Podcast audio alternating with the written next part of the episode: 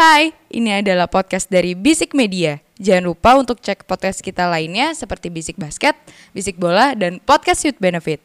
Oh iya, jangan lupa juga follow Instagram kita di @bisikmedia.id. Oke, selamat mendengarkan.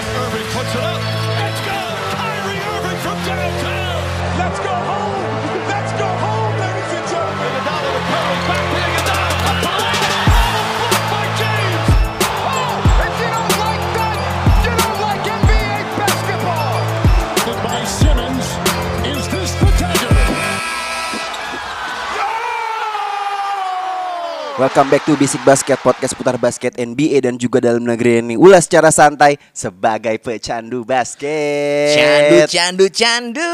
Agak ulas ya, agak Apa? ulas ya. Agak ulas, ya. ulas, Gua agak kaget. ulas. Oh, beda dikit ya. Iya kayaknya kalau misalnya ulas tuh kayak lebih apa ya Lebih bagus aja gitu diksinya gitu Iya, iya, iya. Iya kan terlihat lebih mahal. Iya agak mewah agak mewah, ya BB, BB. Kayak seperti biasa ditemani oleh gue di Masyoda aka Dimsu Dan Pekan kemarin nggak ada gue sih Iya, sebenarnya. makanya, makanya. Tapi seperti biasa gue udah balik lagi Kemarin thank you banget sih udah nge-cover gue Ramzi Alam Eke Duzi Peka Koma Eke Rem Jeko Jontor Jeger jeger jeger boom, boom, boom. Wak wow Oke Yoi. Kemarin gue boom, boom, boom sendiri, wow, wow sendiri. Ya Kenapa? Allah. Abel gak di briefing ya? Abel, gak di briefing ya? Gak sempat briefing, gak sempat briefing. Kayak ya kaget aja gitu loh.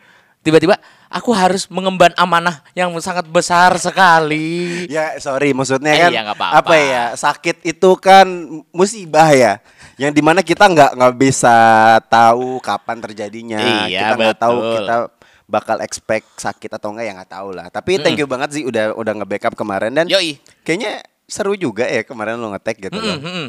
Banyak Ya banget eh, insight-insight yang gue dapat dari Abel juga sih. Iya, gitu. ya, mungkin Abel juga lagi nggak bisa sekarang kayak. Oke, Hmm. eh, pekan ini kita akan seperti biasa nge-review game-game NBS pekan terakhir yang di mana kemarin abis seru banget ya, banyak match up yang sangat menarik yang di mana eh, abis Christmas game Yoi. ada empat atau lima game yang menurut kita tuh seru semua ya. Cuman kita akan membahas top 2 aja kali ya, top 2 match up eh, dari empat tim ini yang di mana patut banget lah kita ulas. Yoi. Betul, betul, Ya betul, kan? betul, betul. Oke, kita langsung aja masuk ke game yang pertama itu kita ngebahas a Golden State against Phoenix Suns yang di mana ini kayaknya pertemuan mereka ke Tiga. atau keempat? Ketiga. Ketiga ya. Ketiga. Yang di mana ini se- sekarang arahnya sudah sangat terlihat di mana Golden State kayaknya udah agak bisa menguasai Phoenix Suns yang di mana ini kayak apa ya? Udah terlihat lah hegemoninya si Iya. Golden State ya, bahwa, bahwa Iya, mereka iya, tuh iya, iya. emang ya emang tim yang terbaik di NBA dan di wilayah barat untuk saat ini tuh. Hmm. 116-107 yang di mana dimenangkan oleh Golden State.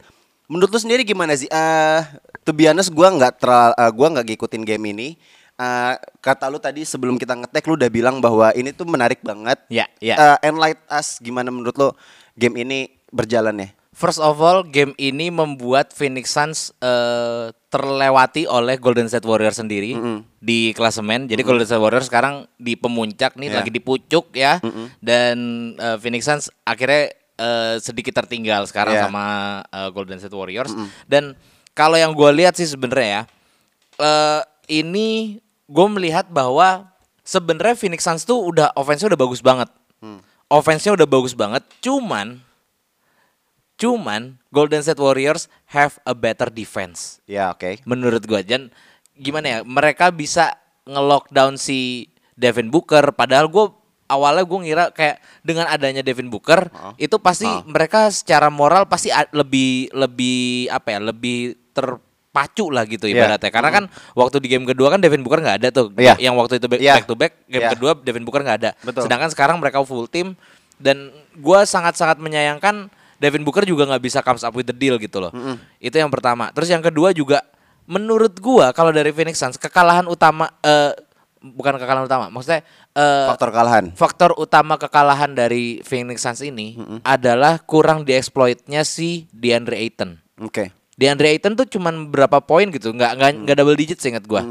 Dan Double eh, digit 18. oh, double digit 18 dan menurut gua tapi sangat disayangkan dia nggak Hmm. kepala dua gitu loh harusnya dia bisa lebih banyak lagi karena Kevin Looney cuy lawan lu tuh match up lu tuh cuman, Iya. cuman Kevin Looney gitu Iya. loh With all due respect, Iya. ya, only Kevin Looney. Gitu. only Kevin Looney dan ya mungkin Draymond Green oke lah Draymond Green emang gua udah bilang ke Hmm. Abel juga bahwa Draymond Green ini salah satu pemain yang bisa dibilang unik karena bisa menjaga posisi dari 1 sampai 5 Ya. gitu. Cuman ya size juga lu lebih gede, Draymond Green juga undersize juga kalau misalnya ketemu Aiton dan menurut gua harusnya Aiton bisa lebih apa ya bisa kontribusi lebih besar lagi sih.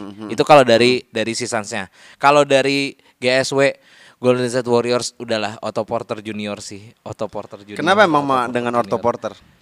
Clutch banget. Coy. Sumpah. Jadi gini, dia itu di game ini 19 poin. Hmm. 13 di antaranya itu di kuarter keempat. Hmm. Dan menurut gua ya lu juga tadi sempat lihat juga kan bahwa Ya. Hmm.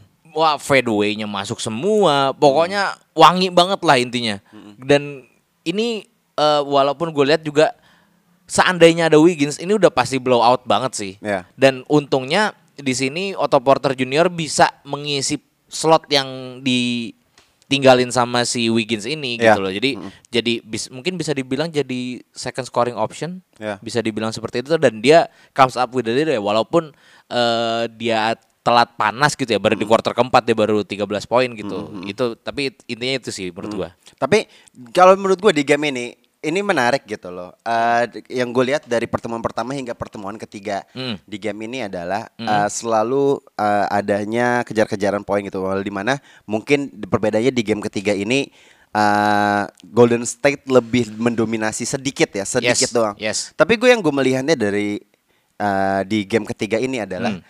gue mah gue har- eh, harusnya harusnya so- sosok kayak Devin Booker itu adalah bisa menjadi penentu ataupun menjadi kunci untuk kemenangannya Iya. Phoenix Suns. Tapi dan again, gue melihatnya bahwa di game pertama pertemuan mereka musim ini dan di pertemuan ketiga yang di Christmas game ini, Hmm. Devin Booker tuh gue nggak melihat eh, dia sebagai sosok yang penyelamatnya eh, Suns gitu loh. Kayak Selalu kurang kembali greget lagi aja gitu ya. Hmm? Kurang greget aja gitu ya. Iya kayak lu nggak di levelnya men kayak Iya, iya, lu, iya, lu iya, bukan iya, di setuju, level setuju. lu sebagai pemain yang yang harusnya first scoring option Hmm. yang balik lagi di game ini yang pendulang utama yang poinnya Chris Paul lagi Chris Paul lagi gitu Iya. walaupun 21 poin ya memang itu kan tugasnya dia gitu as a Iya. point guard gitu Hmm. menjaga poin gitu tapi kalau menurut gua seharusnya bukan dia pendulang poin utamanya gitu loh Dia harusnya menjadi fasilitator saja. enggak menurut gua dia malah harus menjadi option apa first scoring optionnya Si Chris Se- Paul. Bukan si David Booker kan. Devin Booker. Nah, makanya gue bilang justru Chris Paul harusnya hanya jadi fasilitator. Iya, Jadi iya. ibaratnya eksekutornya yang Iya. yang poinnya banyak itu justru di David Booker. Dia hanya fasilitator dan juga hanya yang menjaga ritme permainan Iya, aja. iya, betul, Ditambah betul, setuju. dengan ya mungkin Michael Bridges bisa menolong juga ya Hmm. terbukti di game ini 17 poin isn't a bad thing juga menurut gue.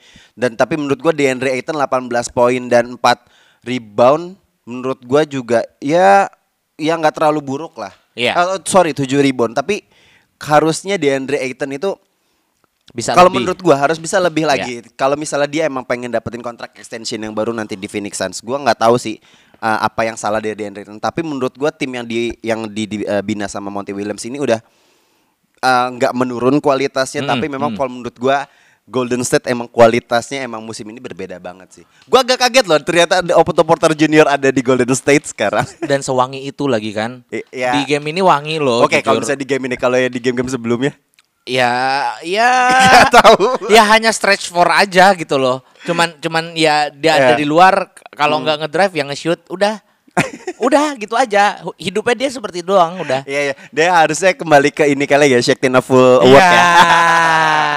Tapi gue maksudnya gue masih masih apa ya namanya masih salut lah dengan Otto Porter yang di mana dengan ya dia sempat ups and down juga setelah Hmm. Ya, cabut dari Golden apa uh, Washington Wizard, Wizards, ya. kemudian kalau nggak salah sempat di Bulls meredup Hmm, dan sekarang dapat ya dapat kes- dikasih kesempatannya sama Steve Kerr untuk bisa main lagi di NBA menurut Hmm. gua ya kualitasnya bagus sih berarti sih tapi kalau untuk dari sisi Golden State nya sendiri gua nggak tahu ya tim ini seakan-akan gitu eh nggak hanya kita kita melihat eh, ya oke hanya Steph Curry lagi Steph Curry lagi tapi Hmm. kalau lu misalnya emang bener-bener ngikutin Golden State lu lihat game eh, di tiap permainannya mereka Hmm. itu nggak selalu hanya di Golden State doang dengan pola permainan Steve Kerr yang mereka bermain small ball dan Hmm. yang mereka pick and roll atau Ya. mungkin rotasinya di parameter menurut gua itu itu salah satu kejeniusan Steve Kerr sih makanya menurut gua eh, tim USA mengangkat dia menjadi head coach sekarang menurut gue itu bagus banget sih. Itu itu jitu banget sih. Dan FYI pasti Otto Porter wangi-wanginya itu Mm-hmm. ya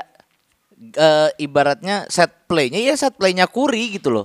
Cuman Curry-nya lagi dijagain sama si Cameron Payne. Iya iya iya. Jadi ya udah yang yang bisa free ya cuman si Otto Porter. Iya, iya, ya iya, udah iya. akhirnya dikasih Otto Porter lagi wangi lagi Iya, kan. iya, iya, gitu. iya, iya. Nah, Oke.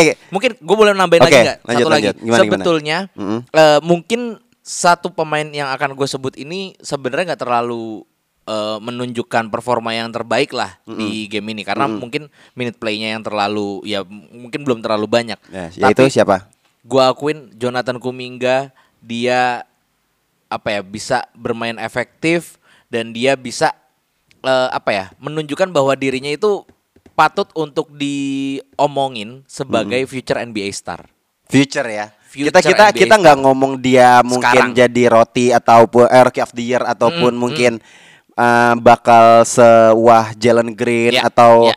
Evan Mobley ataupun si siapa ya Cunningham gitu ya. Ya. Tapi menurut gue ya dia dia ada di conversation itu sih. Mm. Apalagi dia menurut gue dia ada di tim yang tepat, men. Iya, Tim yang menurut iya. gue tuh dia bisa bisa mendapatkan semuanya. Makanya itu Tapi dia. ya mungkin mungkin Hmm. gua nggak tahu dengan kalau gua melihatnya dari rotasinya yang diterapkan oleh Steve Kerr mungkin Hmm. ya nanti Kuminga eh gua nggak tahu sih di musim ini kayak gimana tapi gua melihatnya kalau di Golden State nanti dia nggak mungkin perannya vital eh, penting tapi nggak vital ngerti gak sih? Oke, ya ya. dia punya ya. peran penting, dia punya role penting tapi dia nggak vital yang mungkin dia harusnya punya sesuatu yang bisa dia kembangkan lagi. Mungkin jatuhnya kayak Chris Middleton kali ya.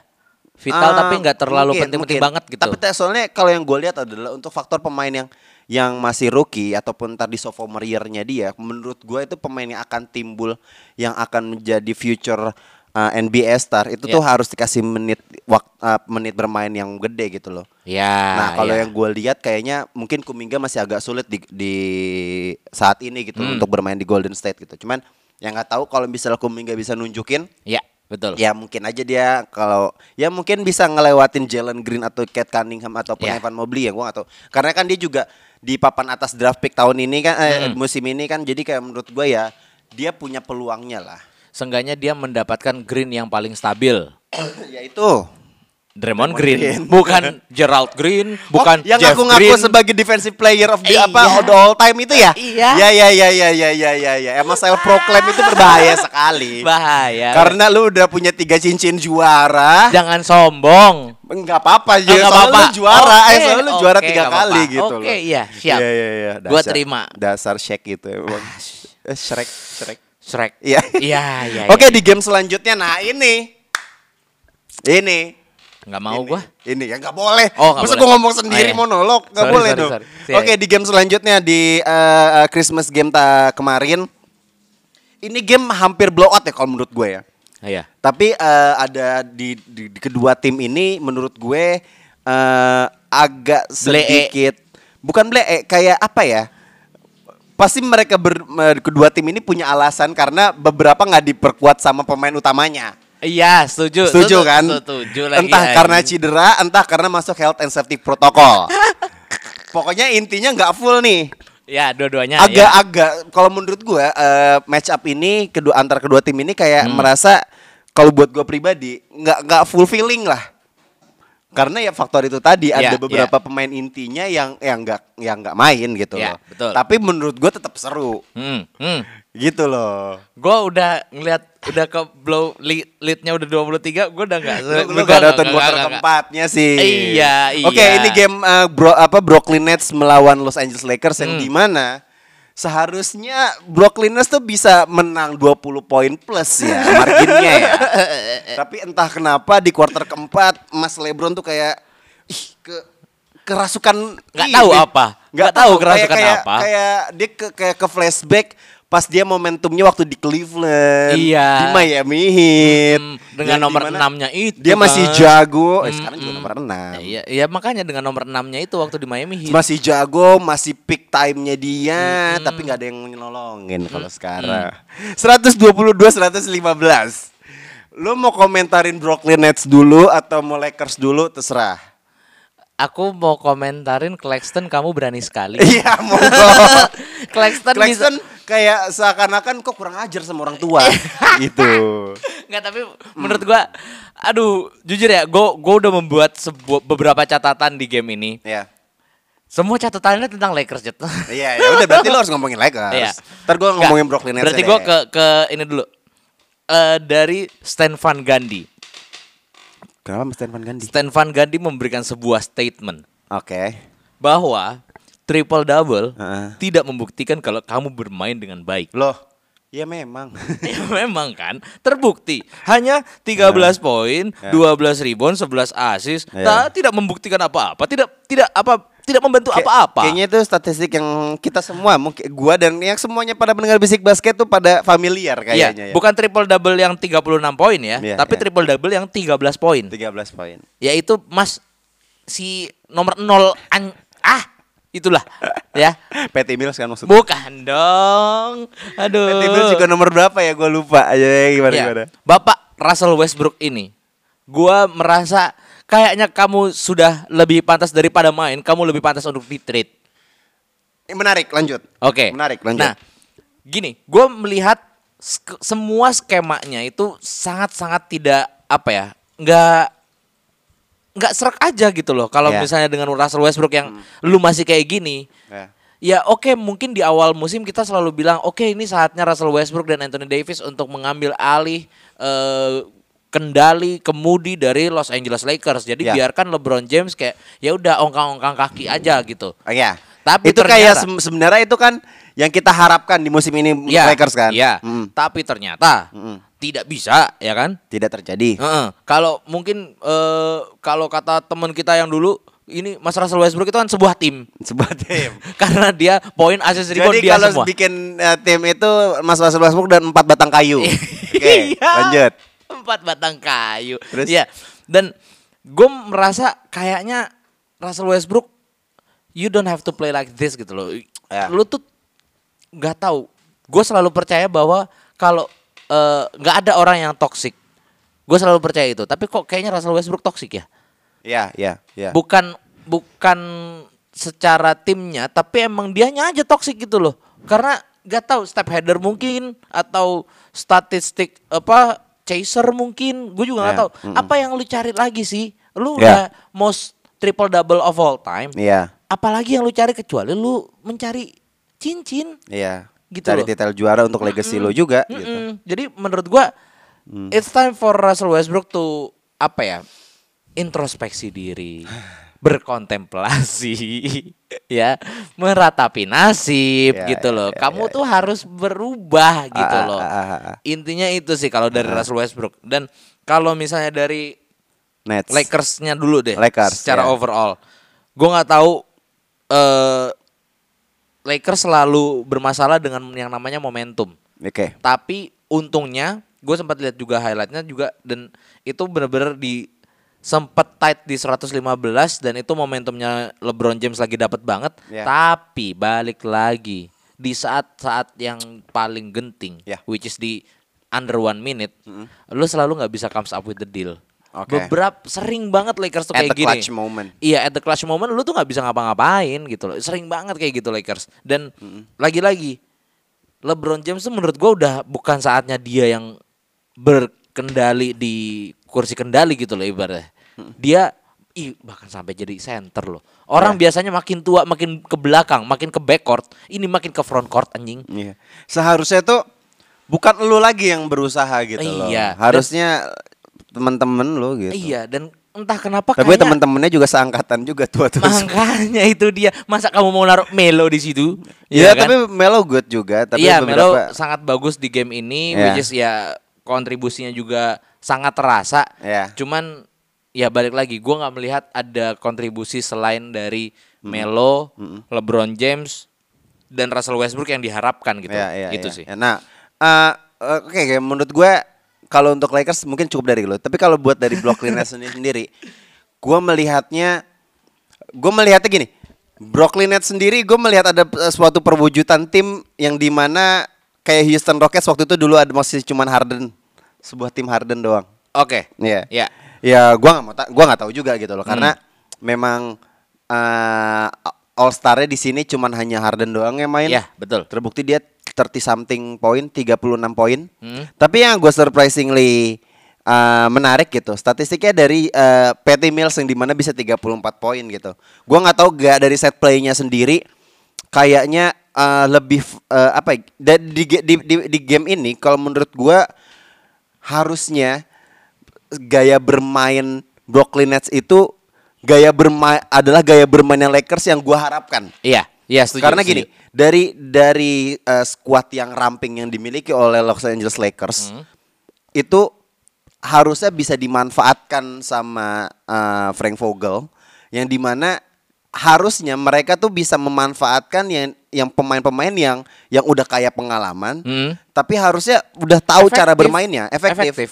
Malah ini yang gue lihat efektifan yang pemain pemain-pemain Brooklyn Nets yang di mana menurut gue unexperienced ya kalau Ya, lihat ya, sendiri ya, lah setuju, setuju. kayak cuma ada James Johnson ataupun juga Nicola Claxton ya itu kan pemain-pemain yang kayak yang baru kemarin masuk NBA gitu Iya, loh betul, betul. kayak kayak James eh, kayak kayak Paul Millsap ya hanya Paul Millsap doang gitu loh Iya. menurut gue itu pemain-pemain yang harusnya apa ya nggak nggak bisa yang kalau bisa di compare dengan kedalaman skuadnya Lakers harusnya Lakers bisa berlebih dominan Iya, harusnya. harusnya Hmm. gitu loh. Kalau di- dilihatnya dari dari dari kedalaman skuadnya sendiri, gue Hmm. melihatnya bahwa Lakers tuh harusnya bisa mengungguli gitu. Terlebih di Iya. sini nggak ada Kevin Durant juga main. Iya. Dan juga yang tadi gue bilang di awal, gue merasa kayak ini tuh juga ya fair lah di dari sisinya Lakers sendiri. AD pun juga nggak main gitu. Hmm, hmm. Tapi dari dari sisi dari sisi inilah matchupnya aja lah. Ya. Dua All Star melawan satu All Star menurut gue ya harusnya Lakers di atas kertas. Siapa Mereka bisa menang. Ah? Siapa dua All Russell Star? Westbrook dan LeBron. Emang yang pertama itu All Star. Kan why not? Why not doang udah apa apa terus apa? Gitu loh ibaratnya. Why not? Ya. Ya Why kenapa not? enggak? Ya kamu Ya, introspeksi diri Why fuck, not? gitu loh. Why not lo nggak egois lagi? Tapi itu lah maksud gue poin gue itu. Maksud lu ngerti kan poin gue kan? Hmm. Ya. Nah, tap- terlepas dari apa pun yang gaya bermainnya Lakers, menurut Hmm. gue ini kayak hal yang harusnya Brooklyn Nets itu secara ya cuman Harden doang kayak Hmm. Ya, setuju. harusnya tuh Lakers bisa bisa nggak perlu sampai margin di kuarter ketiga beda 20 something Ya, poin ya, gitu ya, loh. ya. Harusnya ini bisa menjadi game yang tight. Ya balik lagi di kuarter keempat LeBron lagi yang bekerja lagi, Hmm. dia yang capek lagi menurut gua kalau lu terus-terusan kayak begini gua agak setuju di mana yang tadi udah lu bilang Russell Westbrook harus ke kebuang lagi. harus kebuang. Heeh. Nah, eh, kalau misalnya ngomongin masalah Patty Mills dan lu tadi sempat ngomongin masalah match up ya. Mhm. Gua sangat percaya bahwa gua awalnya mengira bahwa THT itu sewah itu. Tapi ternyata dia menunjukkan bahwa dia hanya pemain yang linglung di lapangan. Ya. Dan menurut gua beberapa kali Patty Mills tuh selalu lepas karena dia apa ya bisa dibilang telat cover, telat telat mem, apa ngelakuin apa ya bisa dibilang kontesnya.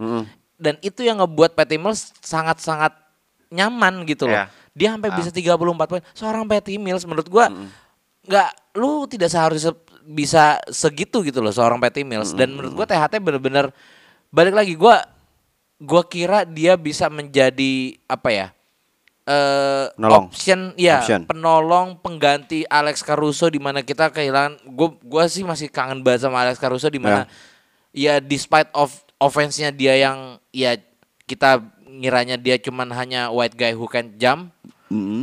Tapi defense-nya dia emang bener-bener bagus gitu. Ya. Sedangkan THT ini gue nggak melihat itu. Mhm. THT bener-bener, aduh cacat banget deh. Ya, ya. Cacat banget THT. Nggak nggak sesuai ekspektasi lah ya. Mm-mm. Kalau mungkin kalau misalnya bisa diputar balikkan kembali Hmm. ke masalah ke masa-masa awal musim itu, Hmm. gue akan lebih ngetret THT daripada Caruso sih. Ah, it- ke- menurut gue itu agak agak agak agak sulit ya karena balik lagi ke keputusannya si LeBron. Again, Le GM eh, kolaborasi dengan Ropelinka menurut gua kayak agak sulit karena ya kita tahu maksudnya eh, Alex Caruso di musim kema- di akhir musim kemarin kan dia Hmm. eh, free agent dan dia minta gaji yang lebih ini. Tapi menurut gue sih kalau gue sebagai Ropelinka gue akan gua akan ngambil tetap mempertahankan Alex Caruso dan ya mungkin eh, TH gue akan lebih milih Caruso daripada THT gitu. Iyalah jelas jauh. akan gua kasih lu mau minta berapa tanggal apa karena kalau lu ngelihat sekarang ya lu lihat lah maksudnya Caruso di mana eh, di Bulls sekarang gitu efektif banget gitu kombonya dia dengan Lonzo hidup banget ya. Terbukti mereka sekarang berada di papan atas wilayah timur gitu. Ya itu salah satu bukti yang di mana ternyata Caruso tuh memang se-worth it itu untuk kalau misalnya Lakers mempertahankan ya sekarang ya Iya. udah menyesal aja. Kayak begitu sih. Oke, eh, gimana? Lanjut eh, untuk Lakers sendiri. Masih dilanjutin nih Masih Lakersnya. dong, masih dong. Ini ini ini topik-topik. Ya. Kalau menurut gua ini topik yang sangat menarik gitu. Lakers akan selalu eh, menjadi Susah emang kalau- perbincangan, Uh-uh. akan selalu menjadi komoditi obrolan yang di seluruh media-media basket itu akan selalu dibahas gitu loh. Susah kalau Dengan big market struggling. lagi turun gitu lagi susah banget anjir. lu punya lu tim yang terus. big market dan lu juga punya eh, apa namanya all star player yang yang mumpuni nggak cuma satu dua ada tiga di sana. Tapi yang satu injury prone, Yang yang satu satu, injury- egois, yang satu mau nggak mau. ya nah apa maksudnya strugglingnya dari yang mereka hadapin gitu loh? Lu udah menemukan solusinya nggak? Apa eh, apa yang harus Lakers lakukan gitu? At least mungkin sampai nanti All Star break mungkin ada perubahan ada ada sesuatu yang mereka adjust dari sisi permainan. Karena setelah All Star break mereka akan udah nggak ada kesempatan lagi Iya. momentumnya nanti setelah di regular season akan ada playoff gitu Menurut gua kalau dari adjustment secara gameplay gua nggak terlalu bisa melihat itu ya. Karena yang pertama kali gue lihat adalah rosternya. Rosternya dulu. Lu harus lu gua nggak ma gua nggak bermaksud untuk lu ngerombak lagi ya. Ka- tapi menurut gua balik lagi Russell Westbrook ini lagi toxic banget menurut gua dan lu nggak cocok mainnya sama Brown sama AD gitu. Menurut gua ya balik lagi dulu lu pernah bilang AD dan Brown itu sudah terbukti. They got the ring. Ya kan? Dan menurut gua ini Russell Westbrook nggak ngebantu apa-apa sama sekali bahkan Ya. gue bisa bilang. Ya, ya, Dan ya. menurut gua kalau misalnya jujur gue juga agak sedih karena IT nggak dilanjutin. IT oke. IT nggak dilanjutin kan? Ya. 10 day kontraknya udah dilepas aja. Heeh. Dan padahal kalau misalnya IT dilanjutin Heeh, dan lu nge-trade Russell Westbrook lu ganti sama center, iya iya itu akan jauh lebih wah, lebih lebih win-win solution lagi buat lu. Iya, iya, iya. Gitu sih. Tapi mungkin eh, terkait Isaiah Thomas ya, mungkin apa ya? Ya mungkin dia di awal-awal yang pertama dia bermain 19 poin which is good. Tapi menurut gue bukan bukan sosok scorer yang dibutuhkan Lakers sekarang, tapi sosok yang di mana perimeter defender dan juga seorang defensive role yang bagus banget sih. Ya, ya, Menurut mereka gue itu. kehilangan itu. Mereka gitu, oke sekarang lu punya center yang di mana mungkin DeAndre Jordan, terus abis itu Dwight Howard mungkin udah memberikan garansi aman di eh, apa namanya pen area gitu loh. Hmm. Tapi dari perimeter defender menurut gua belum belum ada nih. Even seorang Malik Monk yang gue sih berharapnya Kendrick Nunn. Hmm. Kendrick Nunn tuh bisa mengisi kosong itu dan juga THT gitu loh. Hmm. Tapi gue melihatnya kayak jauh di bawah ekspektasi kita semua gitu loh. Dan kalau gue boleh jujur ya, Mm, mm. kayaknya Lakers lagi salah ambil keputusan lagi dengan mengambilnya Dwight Howard, bukan Javel McGee. Lu lihat Javel McGee di Suns lagi wangi loh, wangi Ya, loh jujur. ya, ya, ya, ya, Bagus banget mainnya, lebih efektif Kalau dan kita masih melihat fluid gitu kalau kita melihat uh, Javel McGee di Suns menurut gua ya mungkin Javel McGee lebih seger, lebih lebih punya stamina, lebih lebih worth it lah untuk dipertahankan dari ketimbang Dwight Howard uh, pun DeAndre Jordan gitu. Cuman yang kita lihat sendiri bahwa kayaknya dengan performanya Javel McGee yang bisa sebagus ini, gue melihatnya bukan karena Javel McGee-nya, tapi karena dari si Monty sosok Williams. Monty Williams yang Iya. bisa menempatkan Javel McGee seperti apa. Pun juga dia bukan role-nya nggak seperti waktu dia di Lakers Iya, iya. menjadi starting five yang di mana jadi pemain utama gitu loh. Iya, iya. Kalau lu melihat ya waktu kalau misalnya lu ngelihat Suns sekarang Javel McGee itu cuma jadi backup DeAndre Ayton aja. Hmm, hmm. Mungkin juga Monty lebih milih mainin Cam Johnson daripada daripada Javel McGee. Oh iya iya iya Iya kan? Iya, iya, iya. Mungkin juga senternya nggak gua nggak tahu masih ada apa nggak Frank Kaminsky juga ada. Masih masih masih ada, masih Ya, ada. Mungkin opsinya banyak lah, tapi balik lagi ke Lakers menurut gua nggak tahu Malik Monk mungkin sekarang ngambil Darren Collison dan juga ada Stanley Johnson menurut gua Hmm. mungkin yang bisa diharapkan dari perimeter defender adalah Stanley Johnson yang menurut gua kemarin dia ngejaga Harden bagus banget di kuarter keempat. Oke. Tapi gua nggak tahu butuh konsistensi lagi dia cuman Hmm. di sini hanya um, 7 poin which is good kalau menurut gua dan yang di mana Malik Monk udah menjadi ibaratnya sekarang jadi third guy option lah kalau menurut Ya, gua Malik ya, Monk ya. udah bukan Carmelo Anthony lagi makanya gue bilang eh, kebutuhannya Lakers sih sekarang udah bukan dari scoring optionnya Iya, lagi, iya, iya, tapi iya, dari betul. parameter defendernya dan ya dari dari sisi mereka bermain secara defense itu yang paling penting. Yang paling lucu tuh gue sempat ngelihat ada satu statistik gitu ya pas lagi game di lawan Nets ini. Eh, Lakers tuh tahun kemarin tuh first in defensive team gitu loh. Mm-mm. Sekarang 27. 20 fucking seven coy. Apa menurut lo apa yang salah? Yang salah.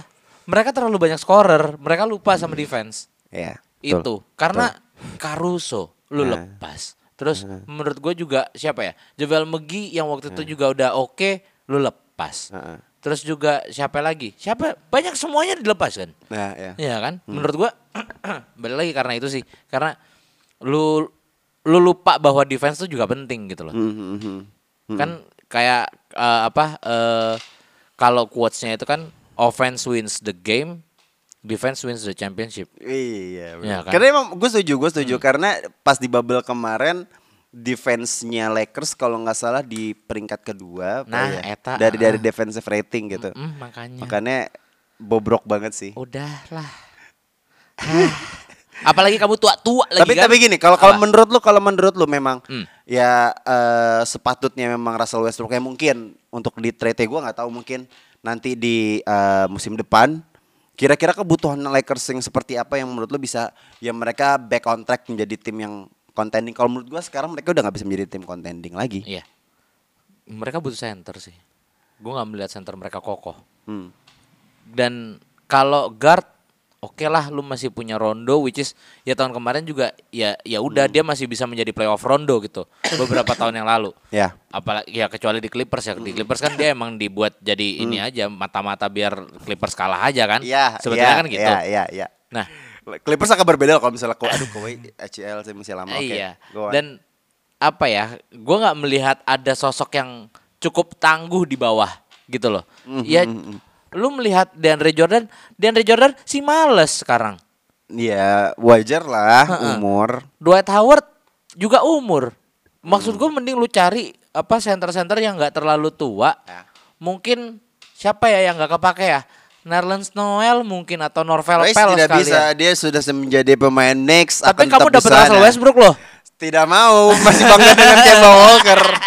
Gue daripada kehilangan mungkin Kemba Walker ataupun dapat Russell Westbrook, gue mendingan nungguin Derrick Rose kembali kakinya walaupun kaca ya.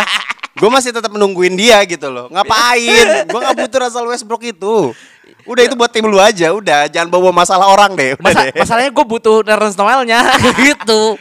Ya mungkin apa ya emang emang susah sih sekarang center konservatif tuh emang agak-agak susah sih. Gak harus konservatif tapi seenggaknya dia mau naruh badan gitu, mau naruh mau, mau Ya udah, lu pasang badan. coba ke Hawks. Mungkin ada Clint Capella mau. iya. Makin Cocok tuh. Clint Capella ketemu sama Tre- apa namanya Russell Westbrook ketemu sama Treyong. Bah. Wah, bener sih, bener sih. Russell Westbrook jadi tiga, Ya kan? tapi pada akhirnya tetap jadi satu. Kan egois. Oke, eh, ya kita lihat lah maksudnya Lakers ke seperti apa nantinya. Tapi kalau menurut gua dengan komposisi seperti ini, dengan problematika yang mereka hadapi sekarang, gua untuk gua akan sangat enggan sekali untuk bilang mereka tuh tim yang contending. Tuh. Ada satu lagi, Apa? ada satu hal yang bikin gue ketawa tadi. Apa Pas gue lagi nyari-nyari info tentang eh, tag podcast kita hari ini ya. Ah, Gue ngecek kan, Dwight Howard News gitu. Dwight Howard News. Nah, Oke. Terus tau gak? Mm. Eh, artikel pertama itu ada headline-nya adalah lu tenang aja, Lakers masih aman. Lu harus waspada Lakers setelah All Star Game. Ah, ah. Gua kayak ini orang ngablunya. ini orang ngablu. Udah Gitingnya ini orang. Pertanyaannya obat apa yang habis lu tekan sebelum wawancara itu? Aduh, barang bagus nih bos, barang, Barang bagus. bagus. kayaknya ya. Aduh. Kok halusinogen halusinogen banget sekali gitu. ya. Ya wajar lah tinggal di LA. ya Iya, kan. sabep bos. Oke, masuk eh, selanjutnya adalah eh, kita habis voting All Star ini ya. Yoi, All Star, All-Star Play, Game. All Star Game. Uh, kita habis voting dan kalian juga pada mendengar Bisik Basket yang mungkin kalau mau nge-vote terus habis itu share ke @bisik basket boleh banget biar nanti kita Jangan bahas. lupa di tag ke kita. di tag ke kita, di post terus habis itu ya mungkin bisa kita komentari lah atau kenapa lu harus pemain ini gitu siapa gitu. Kayak tadi eh, Ramzi dikomenin gara dia ngambil Moren daripada Luka Doncic gitu loh. Hmm. Itu seru banget, seru banget, Ya. seru banget Ya. gitu loh. Ya. Nah, eh dari da- berangkat dari sana gue melihatnya bahwa ya banyak lah pemain-pemain yang mungkin yang dipilih ya di West dan di East juga Hmm. beberapa pemain yang yang pasti banget dipang- eh, dipilih sama kalian gitu. Ya. Mungkin kayak ada Steph Curry ataupun Durant. LeBron ya, James dong. Worth it. Hah? Ya LeBron James, Ya. Yanis mungkin beberapa pemain yang mungkin pemainnya itu-itu aja yang Ya. yang pantas lah berada di sana gitu. Ya. Garansi pasti mereka akan tampil di All Star Game gitu loh. Hmm. Tapi dari lo sendiri nih Zi, ada nggak dari dari kan gue udah lihat squad lo nih. Iya. Gue udah lihat squad lo nih. Menurut lo dari segala kemainstreaman Hmm. pemain-pemain yang dipilih di luar sana, Hmm. ada pemain yang menurut lo dia pantas main tahun ini ada di All Star. Ben Simmons. Gini sih ya, gini gini gini gini gini gini gini gini. Gimana? Gini gini gini gini gini. Kalau bodoh tuh jadi tunjukin. jadi tunjukin gitu loh. Iya, sorry sorry. Sama aja kayak lu milih Kyrie Irving ngapain lu pilih gitu loh. Di masuk pun juga dia nggak main. Namanya juga kilaf. Iya maksud menurut, menurut siapa? Kalau kalau kalau yang gue lihat dari squad yang lu share adalah Iya. lu milih Demar. Eh Demar, Demar apa? Iya, Demar, Demar. Demar sama Derozan. Trae Young. Ya oke. Kalau Trae Young kalau menurut gua Ya udah siapa lah lah, guard iya. yang lebih ba- yang bagus di Iya. wilayah timur gitu loh selain Trae Young sekarang gitu. Masa Ben gua mau bilang? Masa gue mau bilang Kemba bias banget dong Ya kan Iya, Walaupun iya, gue juga sebenarnya gak milih Kemba gitu loh. Gue malah milih Zach Levine gitu loh Ya. Ya kita kita ada perbedaan di antara kedua pemain Bulls ini Hmm, gitu loh hmm. Tapi dari lu dulu deh Maksudnya kenapa lu lebih memilih Demar DeRozan gitu Yang di mana dia Yang dari pilihan lu berarti kan dia pantas untuk ada di uh, starting five All Star game gitu. Hmm. Kalau menurut gua gini, DeMar DeRozan itu udah kayak eh, menemukan kembali nyawanya. Karena dulu ya kita bisa lihat lah waktu dia di eh, Toronto dia segimana itu yang namanya pundak itu sampai koyonya ada 10 berjejer ya kan. Ya. Terus juga sedangkan dia di Spurs dia sangat hilang bisa dibilang dan sekarang dia udah mendapatkan tempnya lagi dan balik lagi gua selalu eh, apa ya bisa dibilang eh All Star Game itu is all about the entertainment juga. Dan menurut gua memang Zach Levine itu eh, lebih entertaining. Ya. Secara dia dangnya gila juga ya kan. Dia apa eh apa bisa dibilang dia three pointnya juga bagus. Tapi ada satu faktor yang menurut gua DeMar DeRozan itu eh, lebih layak untuk di All Star Game tahun ini. Yaitu Kangen Ya lu merindukan iya just like just like everybody who always votes on Derrick Rose gitu loh. DeMar DeRozan gua bisa mendapatkan eh kenapa gua milih DeMar DeRozan ya karena itu, Ya. karena dia lebih apa ya? It's been a long time, it's been a while kita terakhir ngelihat DeMar DeRozan yang waktu itu gue inget banget dia ada 360 layup-nya waktu di Toronto Ya dan ya itu itu yang gua yang gua yang gua pengen lihat lagi tuh bahwa DeMar DeRozan itu masih ada gitu loh. Ya. Gitu sih. Hmm, Kalau Kalau lu kenapa Kalau lebih milih Zach Levine? Ya gimana ya? Oke, kita melihat momentumnya bahwa Bulls adalah tim yang patut disegani musim ini, Yes, musim setuju, ini gitu loh. setuju. Dengan gaya bermain small ballnya, dengan pemain backcourtnya yang menurut gue bagus banget, bagus banget gitu. Mm. Ya, menurut ya oke, Demar Derozan memang memang apa ya punya momentumnya di musim ini, tapi Mm. kalau menurut gua sosok Zach Levine di Bulls lah yang menjadi pemersatunya dan statistiknya juga nggak buruk-buruk amat. Statistiknya juga bersaing dengan Demar Derozan Mm, mm, dan ya, slightly better malah menurut gue daripada Ya. Demar Derozan. Jadi Ya. menurut gua instead of Demar Derozan ya gue mendingan milih Zach Levine gitu loh. Apalagi kayak man Zach Levine yang kita tahu cuman eh, almost slam dunk champion aja. Eh, Iya, iya. Zach Levine juara ya? Eh, Dua kali juara, kan juara, yang yang juara. almost cuman Aaron Gordon doang. Oh, sorry. Misalnya yang kita tahu dia hanya slam dunk champion aja tapi tapi ternyata dia bisa membuktikan bahwa ya gue secara eh, bermain ah, beneran ya memang Iya. gue juga bagus Iya, gitu loh iya. dan gue udah kalau menurut gue dia udah nunjukin bahwa di dua musim terakhir eh, musim kemarin dan musim ini bahwa dia tuh udah pantas lah untuk di All Star level gitu. Jadi ya gue patut untuk milih dia gitu. Ibaratnya lu menganggap bahwa DeMar DeRozan itu adalah kartu asnya, sedangkan Zach Levine itu adalah kartu jokernya. Which is lebih lebih lebih dari apa pun gitu loh. Ya kan? Dia memang sih secara kalau lu lihat balik lagi ke statistik dan gimana gameplaynya dia, Ya. gue pasti bakal lebih setuju ke Zach Levine. Tapi balik lagi, ini it's all about story juga menurut gua. How you entertain itu about story juga dan menurut gua ada satu story missing bahwa mungkin ibaratnya kita pengen ngasih lihat ke baby boomers yang sekarang yang lu nggak tahu siapa sih DeMar DeRozan bahwa dia tuh se- sejago itu loh dulu Ya. gitu Ah, ya, gitu ya, sih. ya, ya. Tapi menarik lagi nih, kita memilih dari kita eh, itu kan kita udah di wilayah timur. Tapi di wilayah barat nih kita ya identical banget nih. Hmm. Iya, iya, iya, iya, iya, iya. Gue menurutnya di wilayah barat harusnya banyak banget variannya yang di mana pasti ada perbedaan. Tapi Ya. tadi benar sama persis. Sama persis. Sampai kita kita tuh hampir sama Jamoran kita pilih, Steph Hmm. Curry kita pilih. Eh, kemudian ada LeBron ya obviously kita Hmm. Obviously. LeBron. Hmm. Satu lagi gue lupa Jokic yang wajar lah maksud gue center yang modern yang menurut gue sekarang yang mungkin dia ya gue nggak tahu dia jadi salah satu center yang terbaik di NBA saat ini. Hmm. Dan satu nama nih yang menurut gue nih kenapa kita bisa milih bareng gitu loh. Kalau Anthony Towns, Iya. lu kenapa milih dia Ji?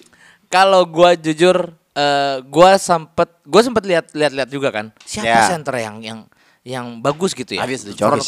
Mungkin ya Jokic, oke. Tapi maksudnya secara front court. Salah Front satu court, oke. ada satu pemain yang ibaratnya ada kan ada top 3-nya tuh. Ah. Front court yang nomor 2-nya itu aku nggak suka. Namanya Paul George. aku nggak mau aja.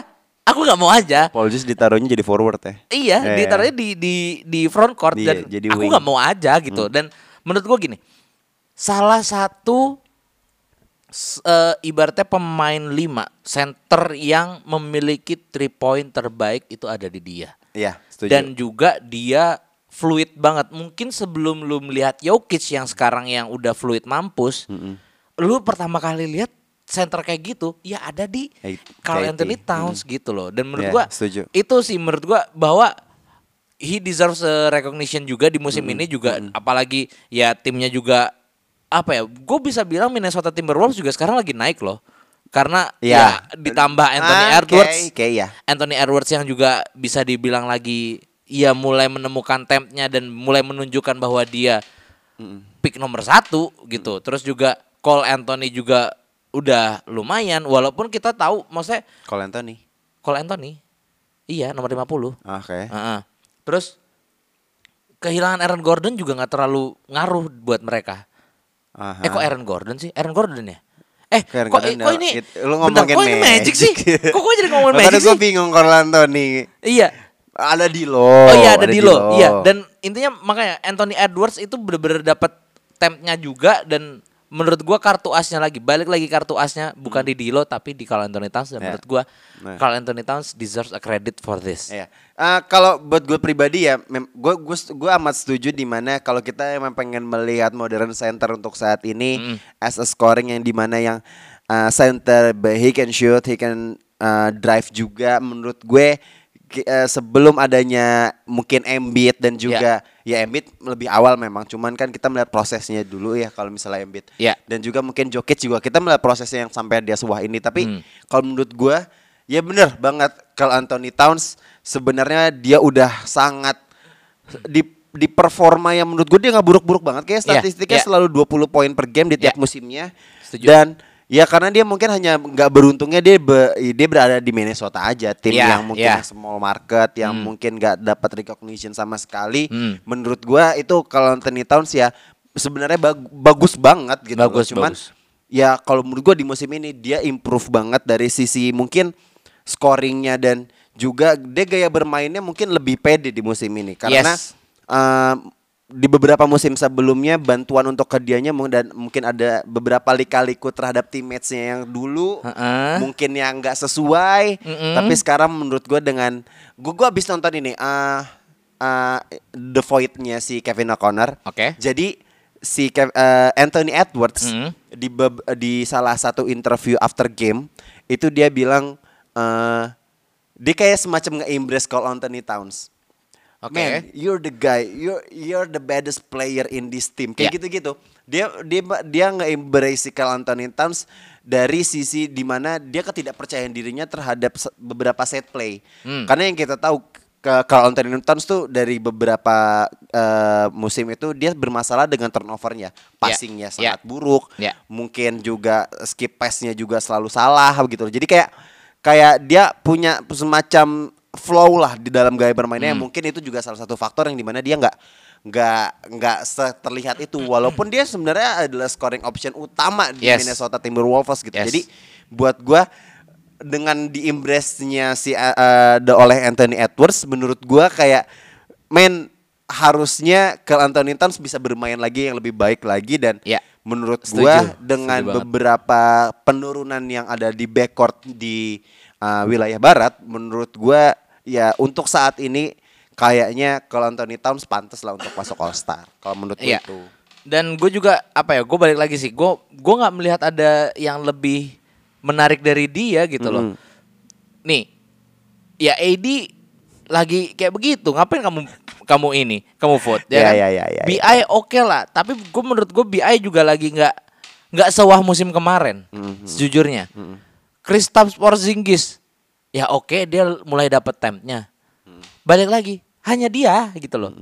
Lu eh, kartu as di Mavericks juga tetap masih di Luka Doncic gitu. Terus kalau Wiggins, aduh Wiggins lagi. Ya kan? Kamu mau naruh siapa? Draymond Green mungkin ya. Itu tuh, Apa? Kamu itu mau tuh. tidak Bogdan Bogdanovic Bo- aduh, jangan. Bojan. Bojan, jangan, jangan. Christian Wood, alah, susah.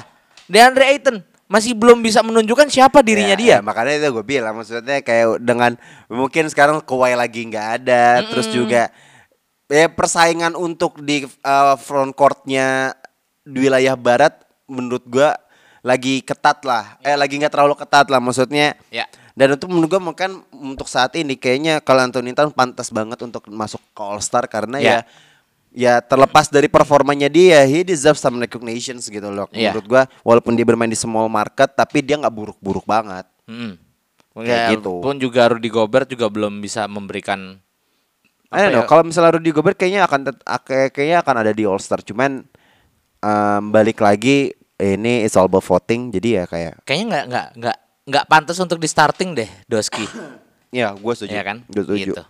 jadi kayak menurut gua Sebenarnya ada satu lagi sih Su yang lagi gue pengen banget ini Ya, gimana? menarik banget. ah, Yang tadi lu sebut di awal. apa tuh? di mana gue memilih Ja Nah. dibandingkan Luka Doncic. Nah, kenapa? Kalau lu kalau lu kalau lu nih, kalau lu pribadi nih. Iya. Ini gue yakin pasti para pendengar basic basket juga kayak kok lu Ja sih, kok lu Ja?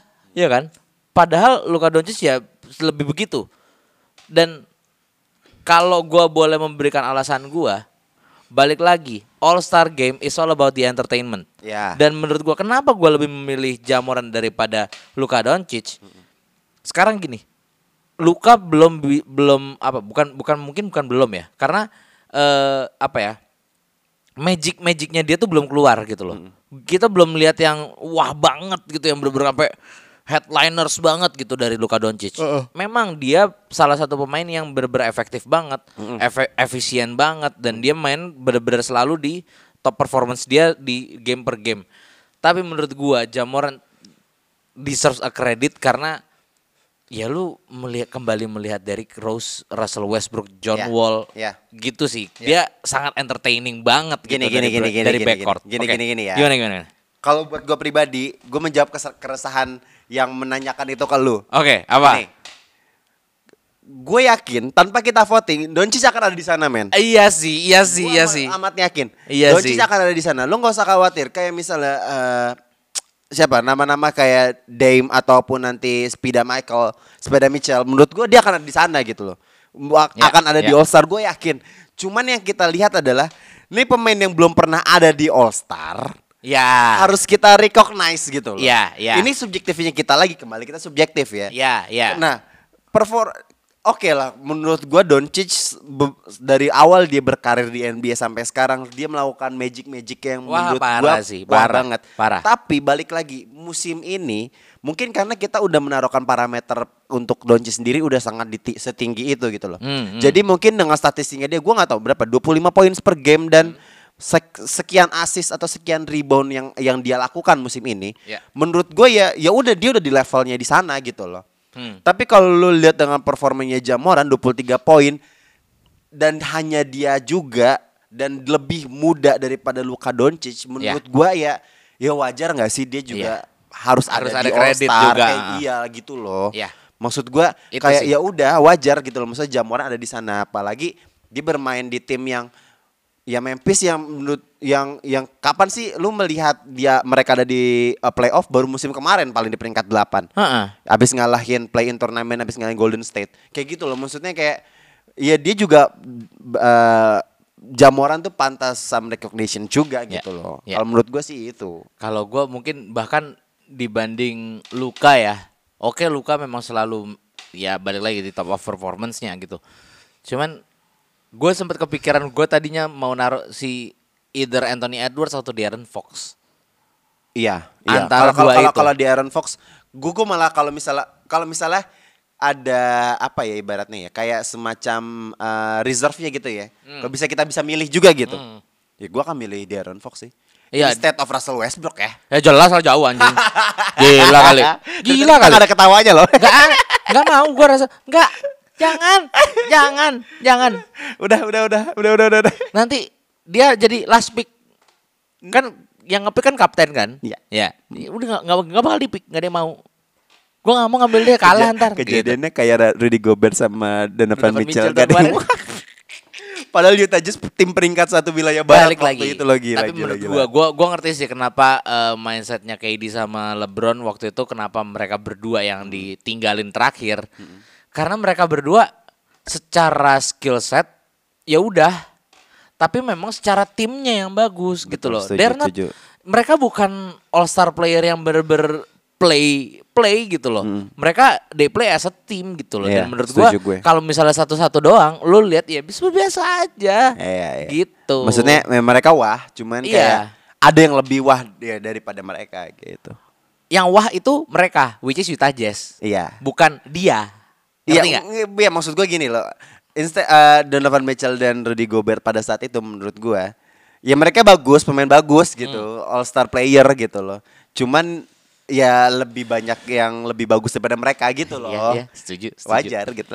Bahkan mungkin gue sempat sempat kepikiran juga SGA juga kayaknya deserve kredit sih di Iya, sini. Gua nggak tahu sih. Maksudnya sekarang eh, eh, SGA menurut gue udah jadi nyawa nyoke sih sekarang. Iya, Ya, ya gue nggak tahu dia akan ada di All Star apa enggak. Tapi kayaknya ya untuk di di apa yang namanya ya gua nggak tahu kalau misalnya emang dia pantas di sana ya ya pantas Ya, lah syukur gitu. lah gitu. Cuman kalau enggak ya ya udah mungkin emang lebih banyak guard yang atau backcourt yang lebih baik daripada dia gitu yes, loh. betul. Gitu Setuju. sih. Oke kita masuk ke preview Eh, di pekan ini di hari Rabu eh, coba gue lihat dulu ya ada siapa aja nih Em, Rabu eh, nih ya. di di mana di coba gue lihat dulu jadwalnya aduh tim tim konten gimana sih nih Hmm. Oh. tim konten Sorry, sorry. Nih. Nah, nah ini dia nih preview. Oke, di game pertama di hari Rabu ada Golden State melawan Denver Nuggets. Hmm.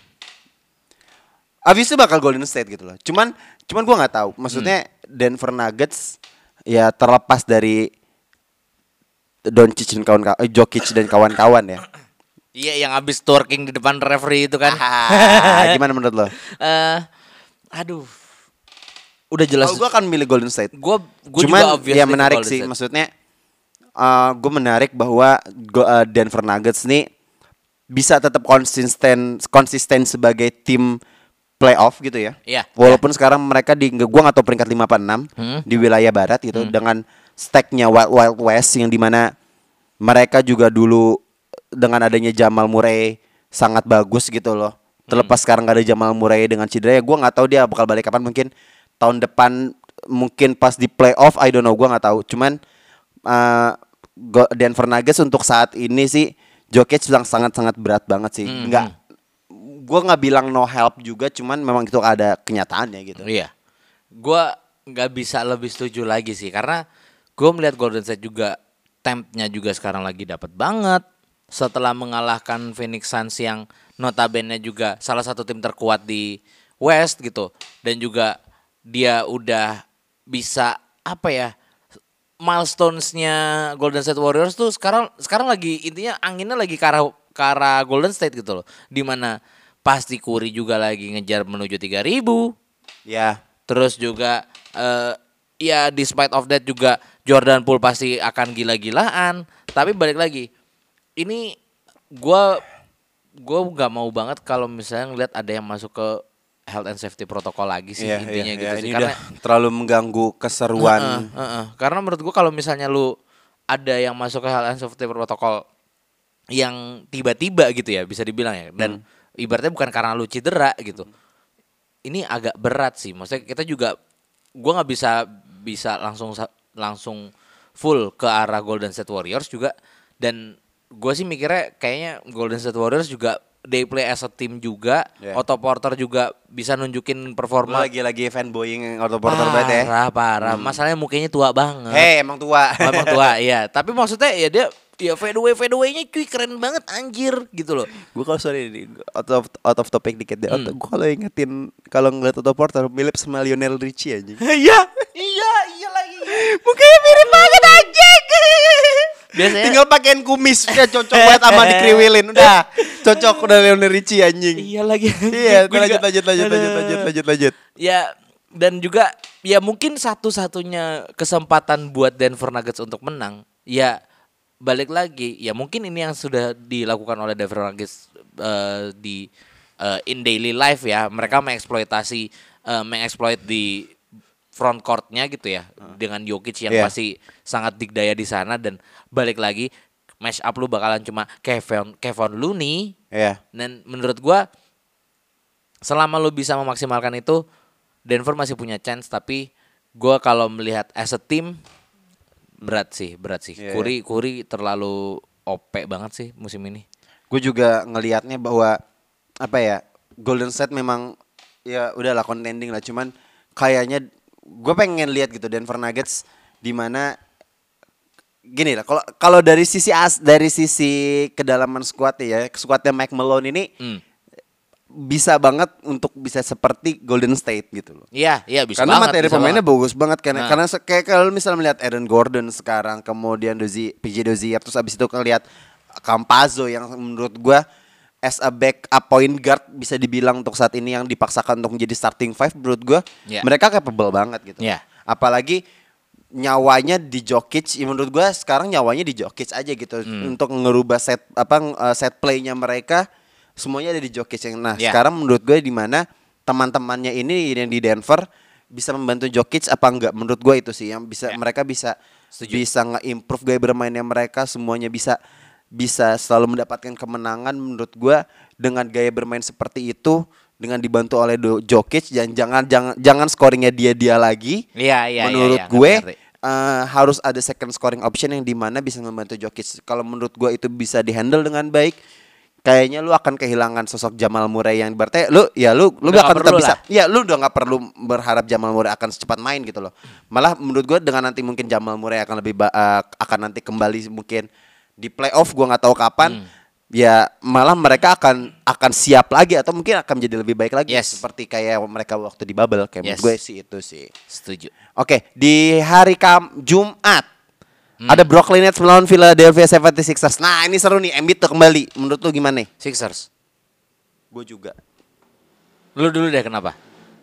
Ah gini, pembedanya adalah kita lihat dulu nih di hari di di hari Jumat ini, Duren udah main apa belum? Sama Kyrie udah bisa keluar dari health and safety protocol atau belum? Jangan diharapkan. Kalau mas-mas itu jangan diharapkan. Bisa diharapkan loh. Enggak lah. Bisa lah. Gini, Kan vaksin herbal. gini, gini, gini, gini. Sejago-jagonya dia, Hmm. dia musim ini belum main, men. Eh iya sih. Ya, iya Musim sih. ini dia belum ada statistiknya tuh kalau di fantasi masih 0 0 0 0 0. Iya. Dan masih gobloknya masih gue simpen lagi di tim gue. Kayak gitu loh. Jadi walaupun sejago-jagonya dia, dia pasti butuh transisi lagi. Apalagi Iya. dia mungkin nggak tahu lah dengan timnya yang mungkin sekarang udah berbeda yang diterapkan oleh Steve Nash gue nggak tahu walaupun mungkin perubahannya cuma ada di beberapa nama mungkin ada Hmm. kayak cuman ada Patty Mills doang tapi kan secara gaya bermainnya kan pemain-pemain yang lain kan ya teammates-nya dia kan mungkin agak agak harus menyesuaikan jar, eh, dengan gaya bermainnya si Kyrie Irving sendiri gitu dan Yes, terlebih yes. juga dari dirinya sendiri Iya. harus transisi juga bola udah ganti baru lagi Mm-mm. seorang Damian Lillard aja butuh transisi gitu loh Mm-mm. Nah apalagi kayak Kyrie Irving yang mungkin lebih main ball handler, eh, ball handling, Hmm. yang demen-demen dribble ya gua nggak tahu sih. Tapi menurut gua untuk langsung impactful agak sulit untuk Kyrie tapi mungkin Ya. butuh satu bulan lah untuk dia gitu loh. Iya, setuju sih. Dan gue juga kayaknya kalau melihat di match up ini kayaknya udah gini. Gue tuh selalu memandang sebelah mata Sixers gitu dan gue selalu apa ya bisa dibilang udah ketutup hatinya tuh karena ya kontrak lu bermasalah sama Ben Simmons itu dan lu Ketutup hatinya. Eh, iya ibaratnya gue udah nggak Iya gue lupa sama Mr. Benjamin Simmons itu ya. Iya Ben Simmons ini kan kalau misalnya nggak tahu lah ya gue cuma berharap lu bisa mendapatkan jalan keluar lah gitu Ya. loh yang yang ba- yang bagus buat Setek kalian cerah. berdua gitu loh Ya. baik dari Sixersnya baik dan juga dari eh, Simmonsnya gitu Iya. tapi kayaknya buat balik lagi buat di game ini bahkan gini even pas lawan lawan Golden State Warriors saja mereka bisa tempel ketat banget gitu loh itu sih gua kita lupa bahwa di situ masih ada Tobias di situ masih ada Seth Curry yang bisa memberikan sparks dari bench ya lu Tyrese lu Maxey. ya lu tetap harus waspada sih sama Sixers dan menurut gua ini Sixers all the way sih Hmm. Kalau menurut gue ini akan menjadi game it's gonna be a tough game, tough match up. It's gonna be tight game juga menurut gue. Tapi slightly chance bu- dari hati gue gue kayak ngeliatnya ke Sixers sih. gua jujur gua malah bilang nggak akan tight Nggak gue kata bilang Gue tight nggak sih. akan bilang tight. Karena, Karena ini apa? mereka akan sangat terbuka men. itu saat mungkin mungkin eh, tightnya karena itu. Tapi ada satu hal lagi bahwa rosternya Sixers nggak terlalu banyak perubahan. Sedangkan dari rosternya Net sendiri Mereka juga gak banyak perubahan kok. memang tidak banyak perubahan, tapi mereka baru mulai untuk settle gitu loh. Ibaratnya Bruce Brown, lu nggak bisa ngelihat Bruce Brown seefektif Korkmaz atau seefektif siapa? Siapa lagi sih? Gue lupa. eh, Tyrese Maxey gitu misalnya. Lu nggak lu nggak punya sparks dari bench gitu loh. Lu nggak punya Iya, orang iya. yang kayak Iya, I Steph Curry point. gitu loh. I see your point. Iya, gitu. iya, iya. Eh Steph Curry, Seth Curry. Iya, iya. Gitu. I see your point. Ah. Kalau gue bilang ini akan menjadi tight game kalau misalnya KD main gitu loh. Kalau misalnya enggak, Iya, iya, iya. Kalau itu kalau beda gue akan cerita. setuju kalau misalnya KD nggak main kalau misal eh, statement gue akan setuju kalau misalnya KD nggak main tapi Hmm. kalau misalnya KD main it's gonna be Ya, a tough game kalau menurut gue itu sih Karena Tobias Harris juga bebannya jadi lebih berat. berat berat berat lu Hmm. menghadapi scoring machine kayak kayak KD itu berat sih Hmm, hmm. makanya kalau makanya di game lawan Lakers tuh kalau misalnya KD main itu udah sangat easy game banget sih Ya. buat Brooklyn Nets walaupun bermain di Lakers ya. Ya. Oke, terakhir di hari Sabtu ada gue juga segan nih nyebutin ini. Portland. Portland melawan Los Angeles Lakers. Who you got? Iya itu dia, yang gue jawab, yang gue jawab. Itu jawaban gue. Gue bukan ngasih tahu gamenya apa. Oh gitu. Iya. Eh, udah. Udah kita udahin aja karena gue juga sama. ya ini agak susah kalau misalnya Lakers emang ya memang kalau menurut kalau gue pribadi kesimpulan untuk Lakers sendiri adalah lu butuh scoring machine kayak AD. Ya, ya whole package lah kalau AD itu kayak udah lu udah aman di di, di bawah ring dan juga scoring uh, machine juga menurut Ya. gua kayak AD is a whole package gitu. Walaupun mungkin ada uh, Om LeBron tapi kayak dan again gua nggak melihat bahwa LeBron itu akan sangat masuk banget eh, maksudnya in banget gaya bermainnya dengan uh, Russell Westbrook. Hmm. Gua nggak nggak melihat itu sepanjang Lakers musim ini. Ya. Apalagi Portland menurut gua kayak ya mungkin mereka agak ada ada sedikit ganjalan di musim ini tapi gue melihatnya Lillard men ya udah lah ya Hmm. Ya, Nggak, bakal- mungkin kalau misalnya gue boleh membela Lakers sedikit, yang di mana gue sebenarnya nggak pengen, Oke, tapi oke, oke, oke. biar manjang-manjangin waktu aja. Satu hal yang menurut gue akan bisa membuat Lakers itu menang adalah kalau Russell Westbrook gagal triple double. Itu aja. Karena menurut gua gini, Russell Westbrook kalau misalnya dia udah ngejar triple double berantakan, ritme ritme tim lu tuh nggak bisa malah jadi nggak bisa nge- ngejaga ritme tim gitu loh. Ya. Dan balik lagi, masalahnya Lakers adalah tentang momentum. Iya, iya, oke. Dan menurut gua kalau misalnya Russell Westbrook dapat triple double itu justru ngerusak momentum dan lu akan kalah di situ. oke gini aja deh gue ganti pertanyaannya nih Hmm. gini aja Hmm.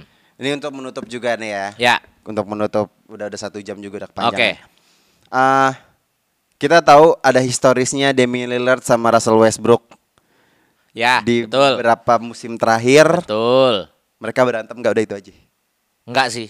Kalau berantem enggak karena menurut gua Russell Westbrook sudah tidak ada apa-apanya. Kalau misalnya Damian Lillard tinggal bilang, "Hey, statistik kamu berapa?" gitu tinggal gitu doang Enggak, selesai. enggak, enggak. Kalau menurut gua gelut lah udah gelut, lah Gelut lah pokoknya ya. gelut lah. Ayo, gelut. Gelut, gelut. Gelut, gelut, gelut. Oke, sekian episode 91 Basic Basket. Gue Dimsu. Gua Ramzi. We're signing out. Bye. Bye.